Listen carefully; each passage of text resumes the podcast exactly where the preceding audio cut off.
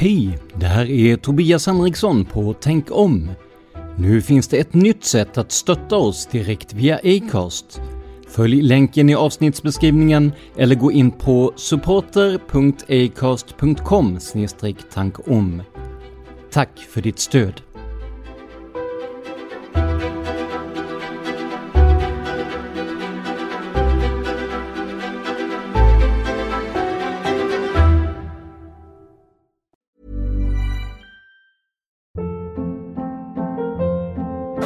Hold up. What was that? Boring. No flavor. That was as bad as those leftovers you ate all week. Kiki Palmer here, and it's time to say hello to something fresh and guilt-free. Hello Fresh. Jazz up dinner with pecan-crusted chicken or garlic butter shrimp scampi. Now that's music to my mouth. Hello Fresh. Let's get this dinner party started. Discover all the delicious possibilities at hellofresh.com. Hiring for your small business? If you're not looking for professionals on LinkedIn, you're looking in the wrong place. That's like looking for your car keys in a fish tank. LinkedIn helps you hire professionals you can't find anywhere else, even those who aren't actively searching for a new job but might be open to the perfect role. In a given month, over 70% of LinkedIn users don't even visit other leading job sites. So start looking in the right place. With LinkedIn, you can hire professionals like a professional. Post your free job on linkedin.com slash achieve today. Hey, it's Ryan Reynolds, and I'm here with Keith, co-star of my upcoming film, If, only in theaters May 17th. Do you want to tell people the big news? All right, I'll do it. Sign up now and you'll get unlimited for $15 a month in six months of Paramount Plus Essential Plan on us. Mintmobile.com slash switch. Upfront payment of $45 equivalent to $15 per month. Unlimited over 40 gigabytes per month. Face lower speeds. Videos at 480p. Active Mint customers by 531.24 get six months of Paramount Plus Essential Plan. Auto renews after six months. Offer ends May 31st, 2024. Separate Paramount Plus registration required. Terms and conditions apply if rated PG.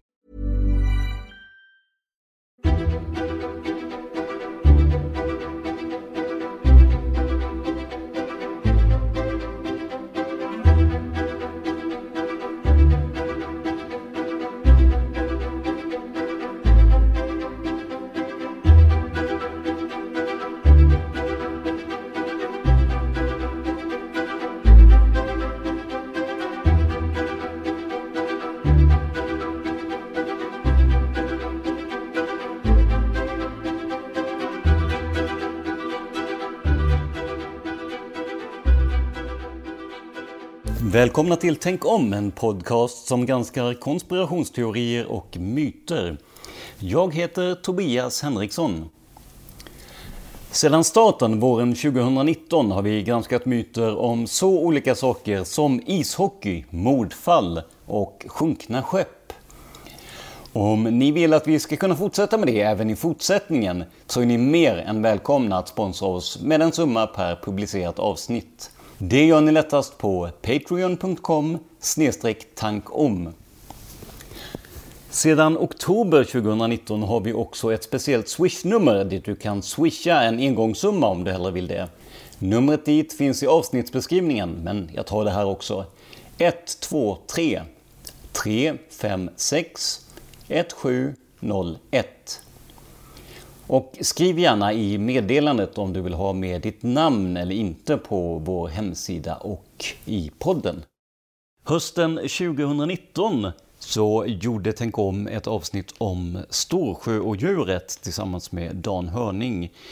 Och idag har vi med oss Dan igen. Välkommen Dan! Tack så mycket! För att det är ju så här, vi trodde att det skulle bli ett avsnitt om Storsjöodjuret, men du har hittat ny information, inte sant? Ja, jag har nyheter om Storsjödjuret. De är inte så färska, för nyheterna är från 1899.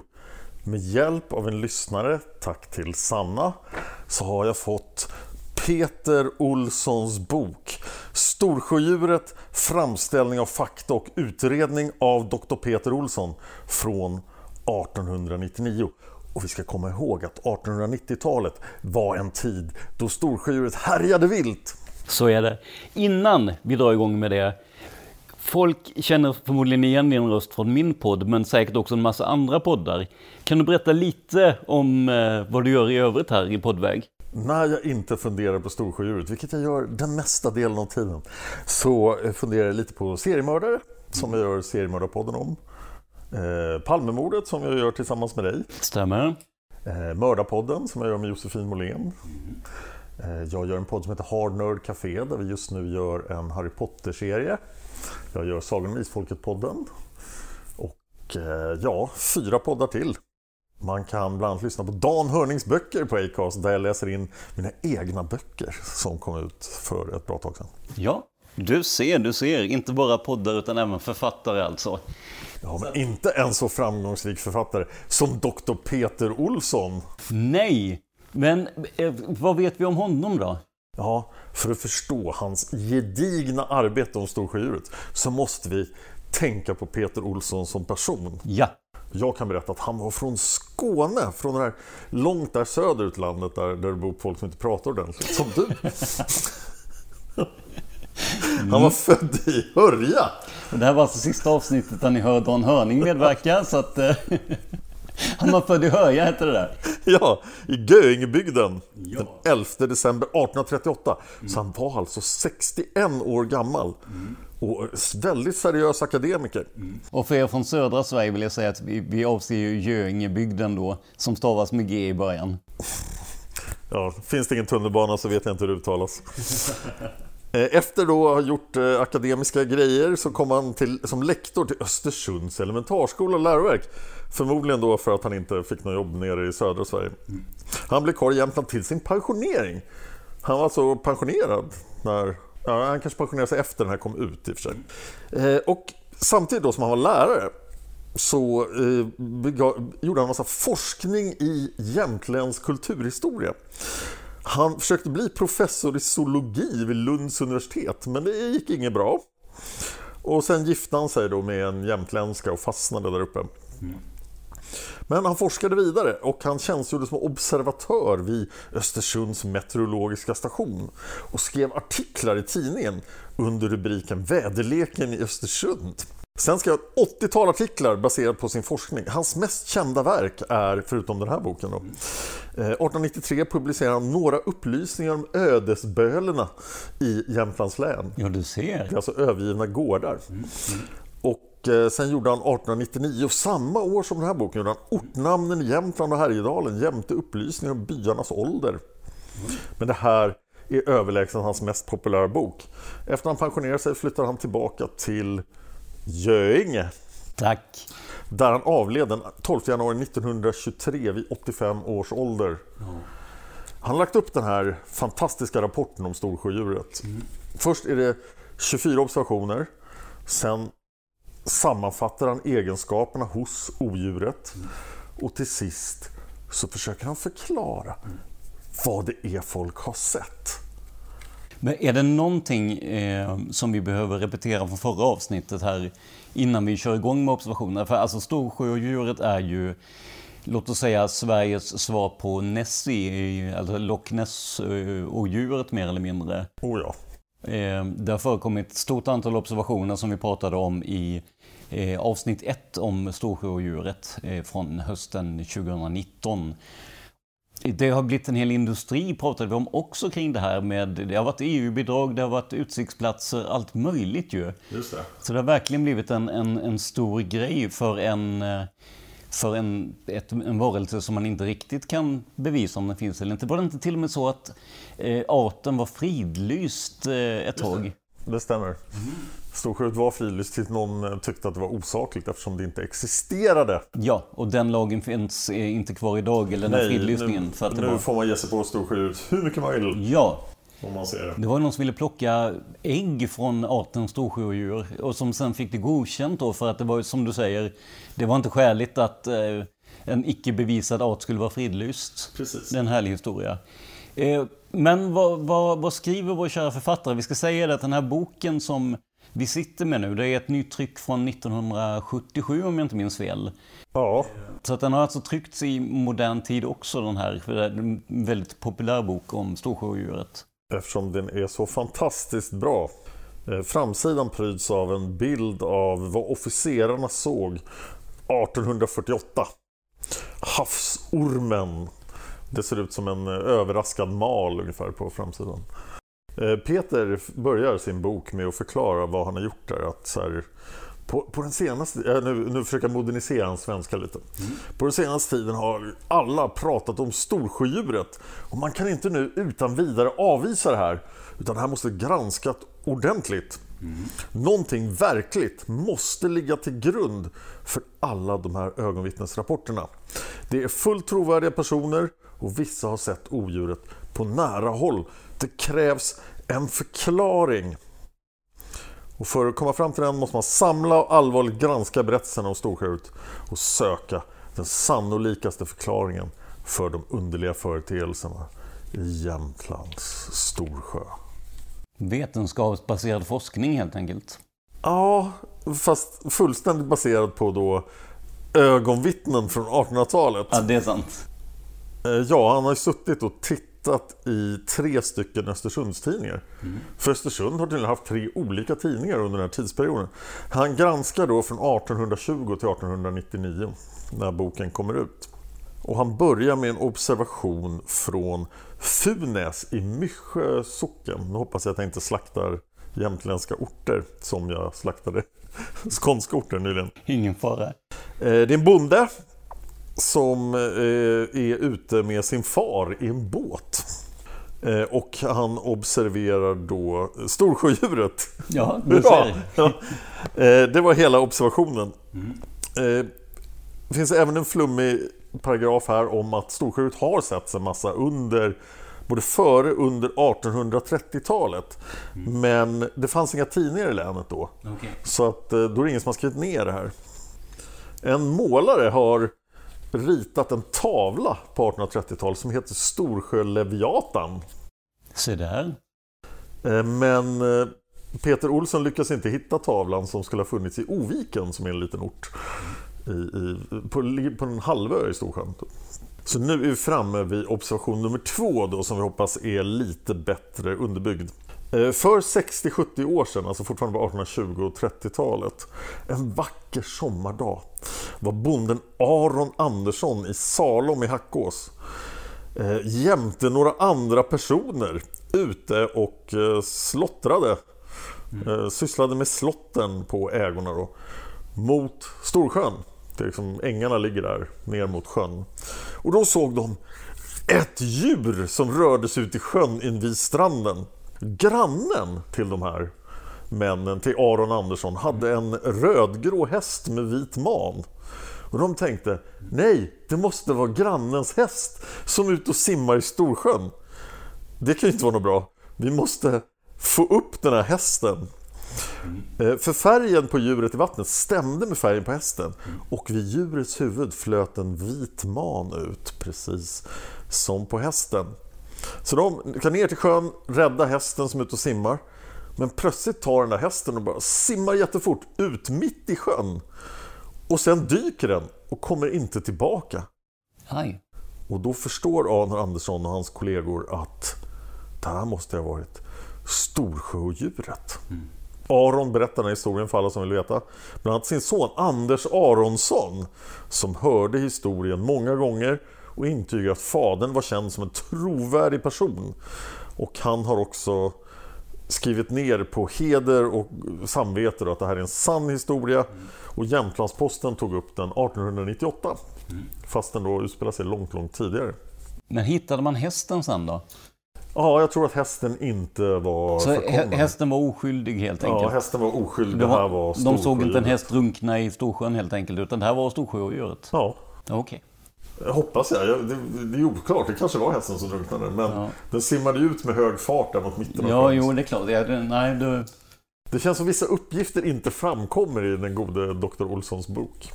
Nej. Men eh, han hade ju säkert inte uppgifterna heller. Vi är framme vid observation nummer tre. Här är mer specifikt. Den 25 juli 1855 fortfarande då 44 år innan boken kom ut, så är det länsmannen som också sitter i riksdagen.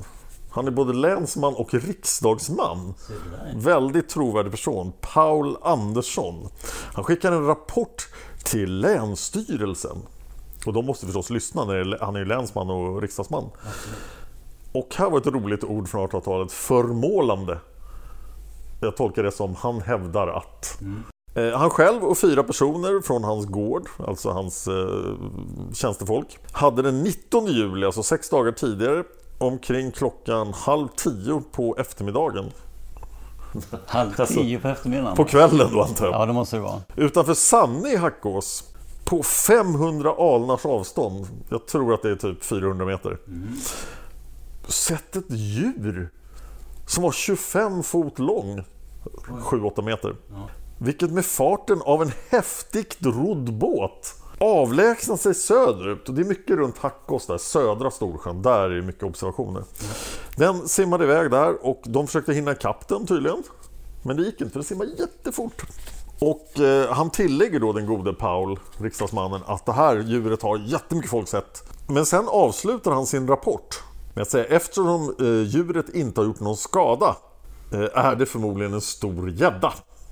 Oj, på 7-8 meter alltså? Vilken, vilken gädda! Det låter som en fiskehistoria. Ja, verkligen.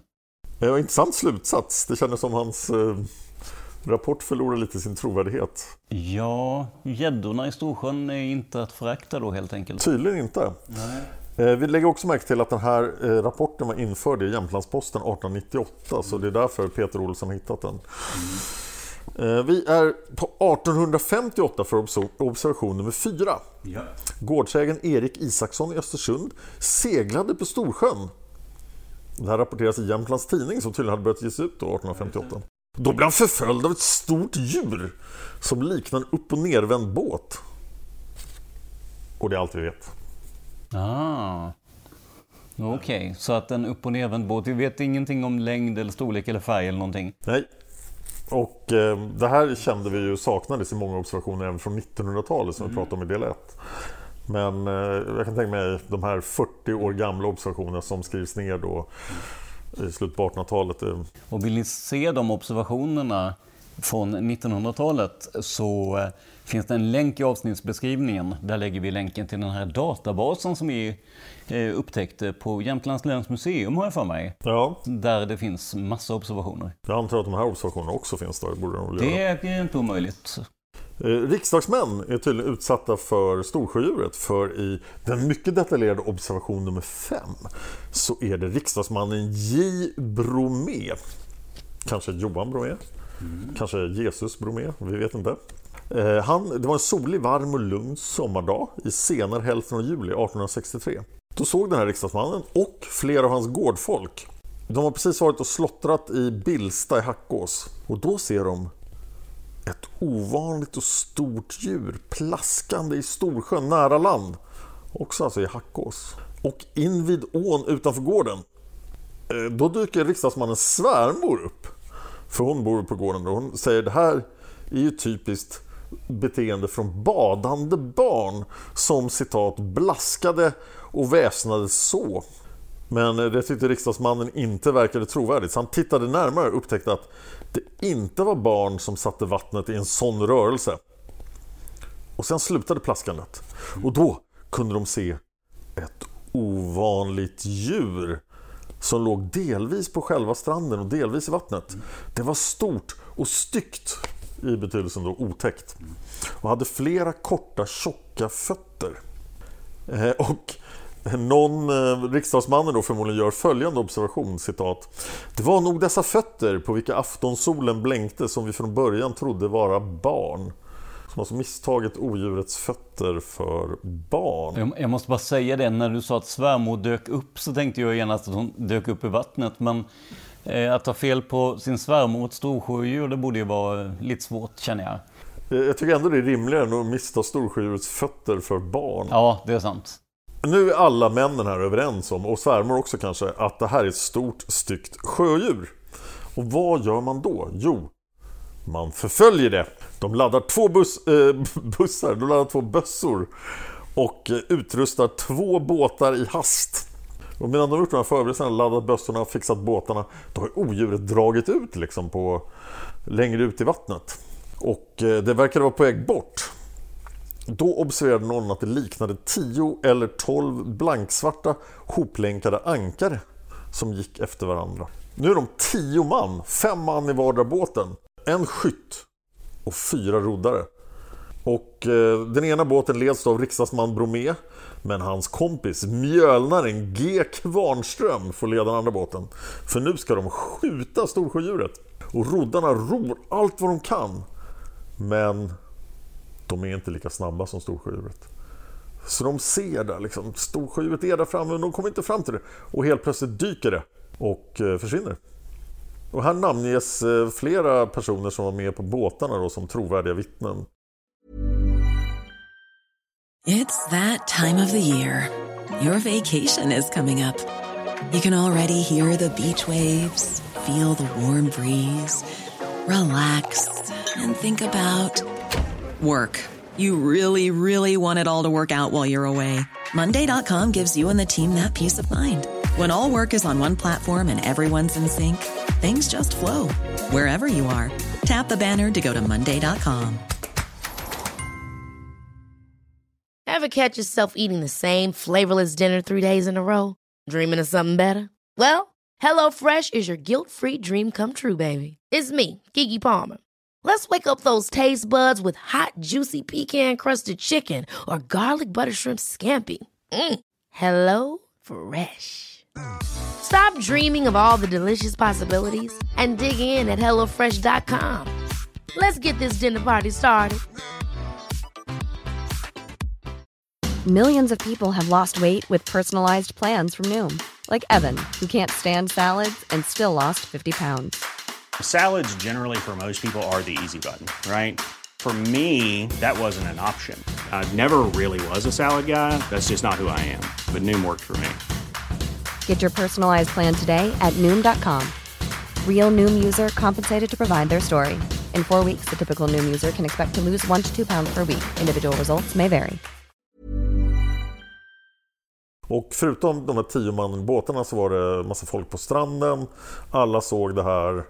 Storleken var omöjlig att avgöra eftersom de aldrig såg hela odjuret. Men de tror att det var runt 10 meter. Eh, riksdagsman J. Bromé svor en ed att det här var sant. Och det fördes också in då i Jämtlandsposten under deras stora satsning på storsjödjuret 1898. Men händelsen var från 1863. Och det här med att han såg ett antal som såg ut som sammansatta ankare tror jag han beskrev det som. Ja. Det, jag tänker mig de här eh, bilderna man har sett av Nessie, Loch Ness och djuret som ser ut som eh, bildäck som är fastsatt i varandra, de här pucklarna som det sägs ha. Det låter ju, ja, det låter ju rimligt med övriga beskrivningar. Det tror jag också. Vi är framme observation nummer 6. Den inträffade också en klar sommarafton. Det verkar ju vara en förkärlek för sommaren. Det kanske bara är det att folk är ute vid sjön då på sommaren. 1868, en klar sommarafton, sågs odjuret av en person i Ösa. Eh, Odjuret var i den så kallade Åssjön. Jag antar att det är en del av Storsjön. I Ås socken. Den här personen, som inte har namngivits, stod och tittade på det spegelklara vattnet. Vad är det för sysselsättning? Han verkar ta det ganska lugnt i alla fall. Ja, det fanns inget internet på den tiden. Så att, eh, Ja, han stod där så åh, vattnet är så blankt. Men plötsligt, 100 meter från land, så blev det en stark rörelse. Som att en mindre ångbåt hade passerat. Och tittade han dit och sa, vad är det som händer? Det verkar konstigt. Och plötsligt såg jag någonting som liknade en grov, obarkad timmerstock som låg på vattenytan. Så, var kom den ifrån? Men helt plötsligt åker den här timmerstocken iväg jättefort. 200 meter utåt sjön. Och sen försvinner den i djupet. Och kommer inte upp igen. Det lät ju onekligen som storsjödjuret. Om, Ja, om det man gör det hade faktiskt. Det är svårt att tänka sig en annan förklaring till den observationen. Mm. Men riksdagsman J. Bromé trodde att han hade haft sin upplevelse med storsjödjuret. Men sju år senare mötte han storsjödjuret igen. 1870 på senhösten då det blåste jättemycket så att sjön var helt vit av vågkammar. Och där är då riksdagsman J. Bromé på sin gård i Billsta. Varför är riksdagsmannen aldrig i riksdagen? Fast där, det skulle du inte få veta någonting om för det, där känner inga storsjödjur. Och även allt hans gårdsfolk, vi vet ju hur mycket folk han kunde skaffa fram till ja, verkligen. och, och svärmor kanske också. Eh, men hon ser ett djur som på avstånd liknar en 12 anars 12 tums sågstock. 10 meter lång sågstock. Som gick snabbare än ångbåt emot vinden. I riktning från Billsta utanför Tjuvholmen och mot Hoverberget. Hoverberget var jag på i sommar, mycket fin utsiktsplats. det är väldigt liv vattnet. Alla såg det här. Och riksdagsman J. Bromé svor en ed igen att han verkligen hade upplevt det här. Och Jämtlandsposten förde in det då 28 år senare i sin specialserie som verkar gått där i slutet på 1898. och säkert inspirerade den här boken. Jag tror att 1898 var ett eh, stort år för storsjödjuret. Det var väl i samma veva där de här företaget var och kungen satsade pengar. Och Ja, de det skulle kan mycket fånga. väl stämma. Ja. Men vi är framme i observation nummer åtta. Innan du går in på den, har vi något annat fall eller observation som vi har tittat på där samma person ser storsjöodjuret fler gånger? För jag kan inte minnas det från förra avsnittet i alla fall. Nej, Jag tror att det här är i så fall första gången som vi pratar om en person som ser storsjöodjuret fler gånger i alla fall. Det är lite spännande. Och det är så långt innan den här hysterin som blir på 1890-talet. Om, om det hade varit en person som såg den massa gånger på 1890-talet. Då skulle man kunna tänka sig något annat motiv. Typ att det gick att tjäna pengar på det. Men Precis, och om han hade kommit och sagt att han såg storsjöodjuret och sen ett par veckor senare så samma sak så hade han ju byggt upp, alltså då kan man tänka sig att han överdriver eller helt enkelt ljuger för att göra sig själv viktig. Men nu är det ändå sju år emellan observationerna. Plus att observationerna var så olika också. Var det nummer åtta vi var på Nu är nu? vi framme till nummer åtta. Ja. Det är 1873 vid midsommartid. Det är Erik Olsson från Östersund eh, som har med sig tre man. De är ute och ror. Eh, De är på väg mot Hallen som är ett ganska lustigt ortsnamn vid Storsjön. Eh, De ser någonting som höjer sig ett par alnar ur vattnet. De tänker det där måste vara en timmerstock. Men de ror vidare och, och snart, eh, de åker förbi den här stocken, men snart ser de att stocken kommer åkande i en väldig fart. Och att den verkar förfölja deras båt. Och då börjar de känna att det här är lite obehagligt. Varför jagar den här stocken oss? Så de eh, ror mot en holme. när De tänker sätta sig i säkerhet. Men då vänder stocken om och visar sig vara ett djur som har citat huvud som en hund. Och precis när de kommer fram till holmen och sätter sig i säkerhet så går solen ner. Av någon anledning är den här observationen sammanförd med en annan där en annan båt blir förföljd som var på väg eh, från Hackås. Och den blir också förföljd av odjuret. Eh, Och av någon anledning är kronojägaren L. Nilsson på Norderön som har rapporterat de här händelserna. Eh, Vi är framme observation nummer 9. 1899, en vacker augustidag. Sommar igen. Är vi på Åssjön igen. Och det är kyrkovaktaren M. Östman i Ås. Det är ju en pålitlig källa, eller hur? En kyrkovaktare. Ja, verkligen. Han hade dessutom aldrig hört talas om sjödjuret. Man har hört talas om sjöormar. Intressant. Hur har han missat det här? Det är framme 1889 också, men det är precis innan den stora hysterin. Men han talas om sjöormar alltså, av någon anledning. Kanske när han var ute och pluggade till kyrkovaktare. Eh, Men idag, den här vackra augustidagen, bestämmer sig M. Östman för att ta en simtur i Storsjön. Oj, oj, oj. Det låter farligt i det, i det här syftet. Ja, han simmar ut 200 meter rätt ut på sjön. Och eh, då märker han en rörelse i vattnet. Och då tänker han att det där är ju självklart en virvelvind som orsakar den. Eh, Är det vanligt på Storsjön undrar man då? Mm, Det låter ju inte som att det borde vara, men eh, ja. Mm, tycker men det är ju märkligt att det är en virvelvind där ute. Jag kanske borde simma in till land. Så han vände om och började simma in till land. Men då märkte han att virvelvinden förföljde honom. Men Östman simmar som en eh, sjögud och kommer in till stranden. Och då bestämmer han sig för att ta på sig sina kläder. Och då hörde han ett dovt slag i vattnet. Han stod med ryggen mot sjön medan han eh, tog på sig kläderna. Och då vände han sig om och såg 70 meter ut en 3 meter hög vattenstråle. Och då blev han rädd och sprang längre upp på land. Men sen lugnade han ner sig, så gick han tillbaka ner till stranden. Och då såg han, strax under vattenytan, ett gråaktigt föremål om cirka 10 meters längd och 1 meters bredd. Efter en kvart simmade den här saken ut igen, därifrån den kom. Och den simmade snabbare än någon farkost kunde göra 1889. Och mitt ute på sjön försvann den. Vi har kommit till observation nummer 10. Här har vi 1892 på hösten. Är det Lars Larsson som är ute i Ås socken med sin son. Och då ser de till sin stora förvåning ett stort sjödjur som liknar upp och nervänd båt som kommer med stor hastighet i Åsjön igen. Från Rödesundet mot Hållskaffen. Djuret hade ett par pucklar, eller ryggfenor. Och eh, det hördes liksom ljudet av den här färden. Av den, det snabba simmandet från djuret. Hördes lång väg. Två meter ifrån de här männen så dyker djuret ner i havet och försvinner. Eller i sjön och försvinner. Eh, Så det framgår inte riktigt var de var någonstans. Nej. De verkar ha varit i vattnet då. Ja. Eh, obser- eh, observation nummer 11 tog vi upp i detalj i del 1. Ja. Det handlar om de här eh, de som var tvättade och kastade sten på storsjödjuret. Just det. Den var från 1893 och väldigt uppmärksammad. Här är boken kompletterad med en eh, bild av ett plesiosaurus-skelett med då teorin att det skulle kunna vara en sån. Och det här är den absolut längsta observationen av alla men eftersom vi tog upp den i del 1 så skippar vi den.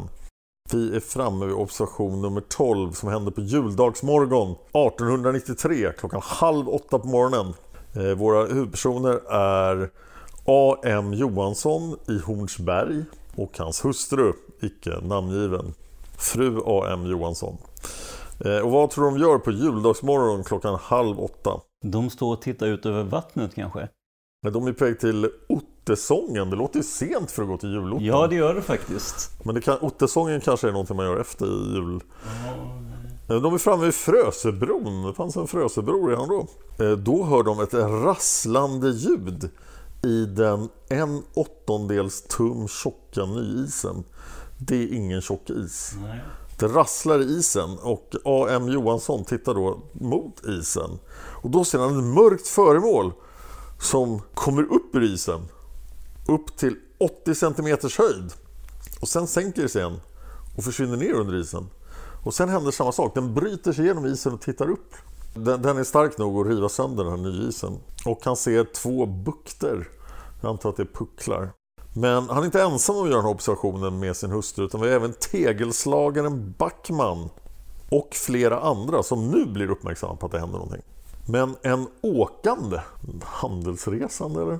Ja, eller var en åkande med den, vad de nu tog sig i... eh, Ja just det, de om kanske om de har... åkte med häst och vagn exempelvis så kunde man åkande i vagnen. Ja, en av de här åkande lyckas skrämma odjuret på något sätt. Så odjuret drar iväg västerut och lämnar efter sig ett tydligt spår i isen. Alltså det är en så här isbana efter den. Alltså den har rivit upp farled nästan.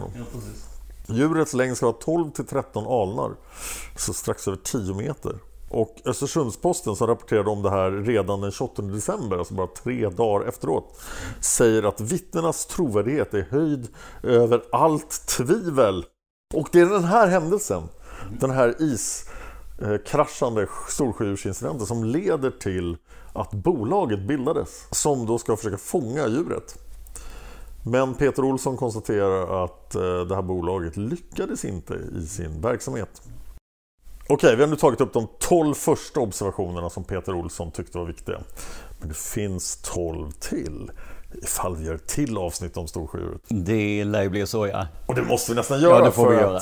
vi måste ju också ta upp Peter Olssons förklaringar. Ja, Men innan vi kommer till nästa avsnitt så gör Peter Olsson ett bra jobb här i att försöka sammanfatta odjurets egenskaper.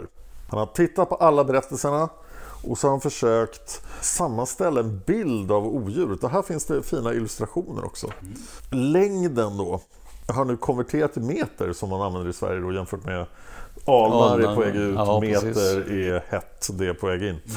Han säger att djurets längd var från 3,5 meter till 14 meter. Och eh, det, det skiljer väldigt mycket mellan olika observationer. Djurets bredd verkar vara runt en meter i alla fall. Varierar mellan två tredjedels till en och en fjärdedels meter. Så vi pratar om en meter brett djur. Det är ganska brett, alltså det är ingen orm direkt. nej, det är en ganska rejäl bredd ja, absolut. Sen då har vi sju observationer, vi har inte läst alla, vi har hälften kvar. Eh, säger att djuret såg ut som en upp och nervänd båt.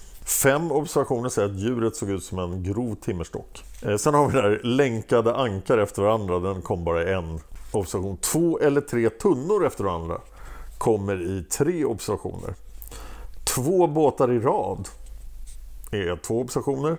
De två sista liknelserna är en lång sammanhängande båtköl eh, eller stora fåglar simmande efter varandra. Allting låter lite som de har sett samma sak men beskriver det bara olika. Absolut. Huden är gla, äh, glatt, den är hal alltså, glänser i solskenet och är blank enligt tre observationer. En observation säger att den är slemmigt fjällbeklädd. Alltså någon form av fiskliknande i Ja, de flesta fallen där då. Ja, Så, jag speciellt den sista där ja. Mm. Eh, Färgen då, gråaktig en observation, grå med stora svarta fläckar en, mörk fem observationer och sen några enstaka som säger fram till mörkbrun eller mörkgrön, bak till ljusgrå eller gulaktig. Det var detaljerat. Oj, ja verkligen. En annan klart mellanröd med mörka längdstrimmor. Det lät som ett hett odjur. Alltså, racerbil. Jag tänker på den där hästen. Han var, han var rödbrun men han hade inga racerstrimmor. Ja, den kommer här, de rödgrå tror jag. Ja, rödgrå var Ja. den kanske. Det, och rödaktig den som säger. Sen har vi bara fyra av de här 24 observationerna handlar om huvudet. Och två av dem säger att det var runt och glatt, förmodligen också i betydelsen halt, lent. Som en hunds. Två observationer. Eh, en observation säger att han hade stora ögon. Och eh, de satt 6 eller 8 centimeter från varandra. Och den hade en vit man i en observation. Då. Det har vi hört. Djuret simmade med bara huvudet ovanför vattnet enligt två observationer. Och när stenarna kastades på det så dök det med huvudet. Sen har vi en observation då av flera korta tjocka fötter i en. Korta framben men långa bakben i en. Sen har vi i fem observationer två uppåtstående, vaggande eller flaxande vita segel, fenor eller öron. I fem observationer. Det verkar vara ja, fenor helt enkelt. Ja, det får det vara. Segeln, seglen hade tre fots höjd, alltså 90 cm och fyra fots bredd. Det låter som bröstfenor. Eh, djuret simmar så att endast huvudet syns enligt en observation. Så att endast seglen syns enligt en observation. Och flera observationer säger att delar av kroppen syntes. Djurets hastighet då var väldigt snabb. Det är bara en massa olika adjektiv som betyder snabbt. Det är pilsnabbt, hastig rodd, snabbare, snabbare än en ångbåt. Mer än en halv mil på fyra minuter. Men ibland rör sig djuret även sakta enligt fyra observationer. Och ibland ligger det helt still enligt fyra observationer. Eh, observation 5 hade djuret delvis på land. Fyra observationer på grunt vatten. Alla andra observationer är på djupare vatten. I två av observationerna dyker djuret upp från djupet. Att man vet inte varifrån det kommer, det kommer liksom från botten av sjön. Det försvinner också djupet plötsligt i hela nio observationer. Eh, Storsjödjuret gillar lugnt och soligt väder enligt åtta av observationerna. Eller när sjöns yta krusas av en lätt vind i sex observationer. Och bara två gånger har man sett det när det har blåst mycket eller stormat. Det borde också vara lättare att se odjuret när det är blank sjö. Ja, definitivt. Eh, också det där med högsommaren. Hela 11 observationer är gjorda på högsommaren. Och den här isobservationen är, det finns två observationer där is är inblandad. Senhösten är populär också med sju observationer. Var i Storsjön då? Och det här är förmodligen bara intressant om man vet hur Storsjön ser ut. Men i Brunfloviken två gånger. Vid Östersundet sex gånger. I Åssjön sex gånger. Och övriga gånger enstaka observationer förutom vid Hackås och Mysch- Myschelandet där vi har sju observationer. Senare observationer i alla fall, just södra Storsjön är mycket vanligare än ute på det stora flaket i norr. Där är inte lika vanligt.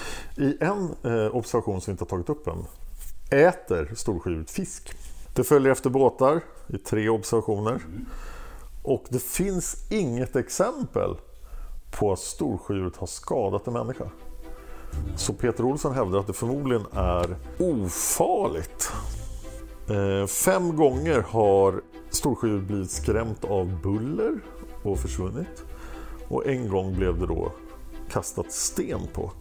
Då blev storsjödjuret arg och visade sitt gap och en rörlig tunga. Men fortfarande var det ingen som blev skadad.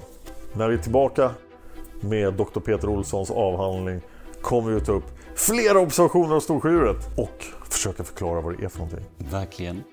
Och som vanligt så vill vi veta vad ni tycker om eh, det här avsnittet. Gå in på facebook.com tankom.se och skriv av er.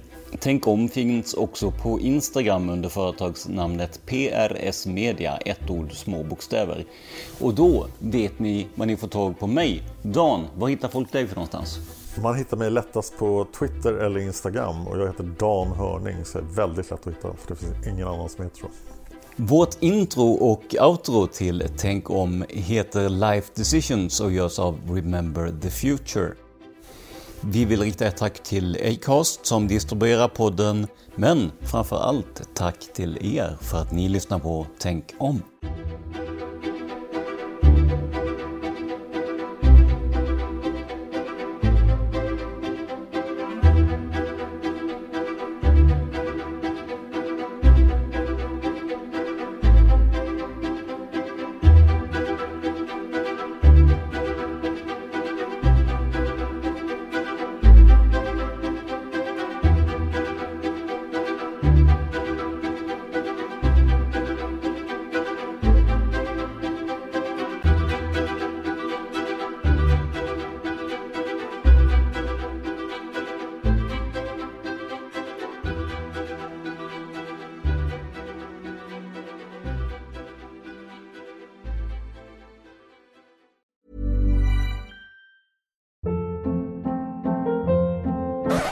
Up. What was that? Boring. No flavor. That was as bad as those leftovers you ate all week. Kiki Palmer here, and it's time to say hello to something fresh and guilt-free. Hello Fresh. Jazz up dinner with pecan-crusted chicken or garlic butter shrimp scampi. Now that's music to my mouth. Hello Fresh. Let's get this dinner party started. Discover all the delicious possibilities at hellofresh.com. When it comes to your finances, you think you've done it all. You've saved, you've researched, and you've invested all that you can. Now it's time to take those investments to the next level by using the brand behind every great investor, Yahoo Finance. As America's number one finance destination, Yahoo Finance has everything you need, whether you're a seasoned trader or just dipping your toes into the market. Join the millions of investors who trust Yahoo Finance to guide them on their financial journey. For comprehensive financial news and analysis, visit yahoofinance.com, the number one financial destination, yahoofinance.com.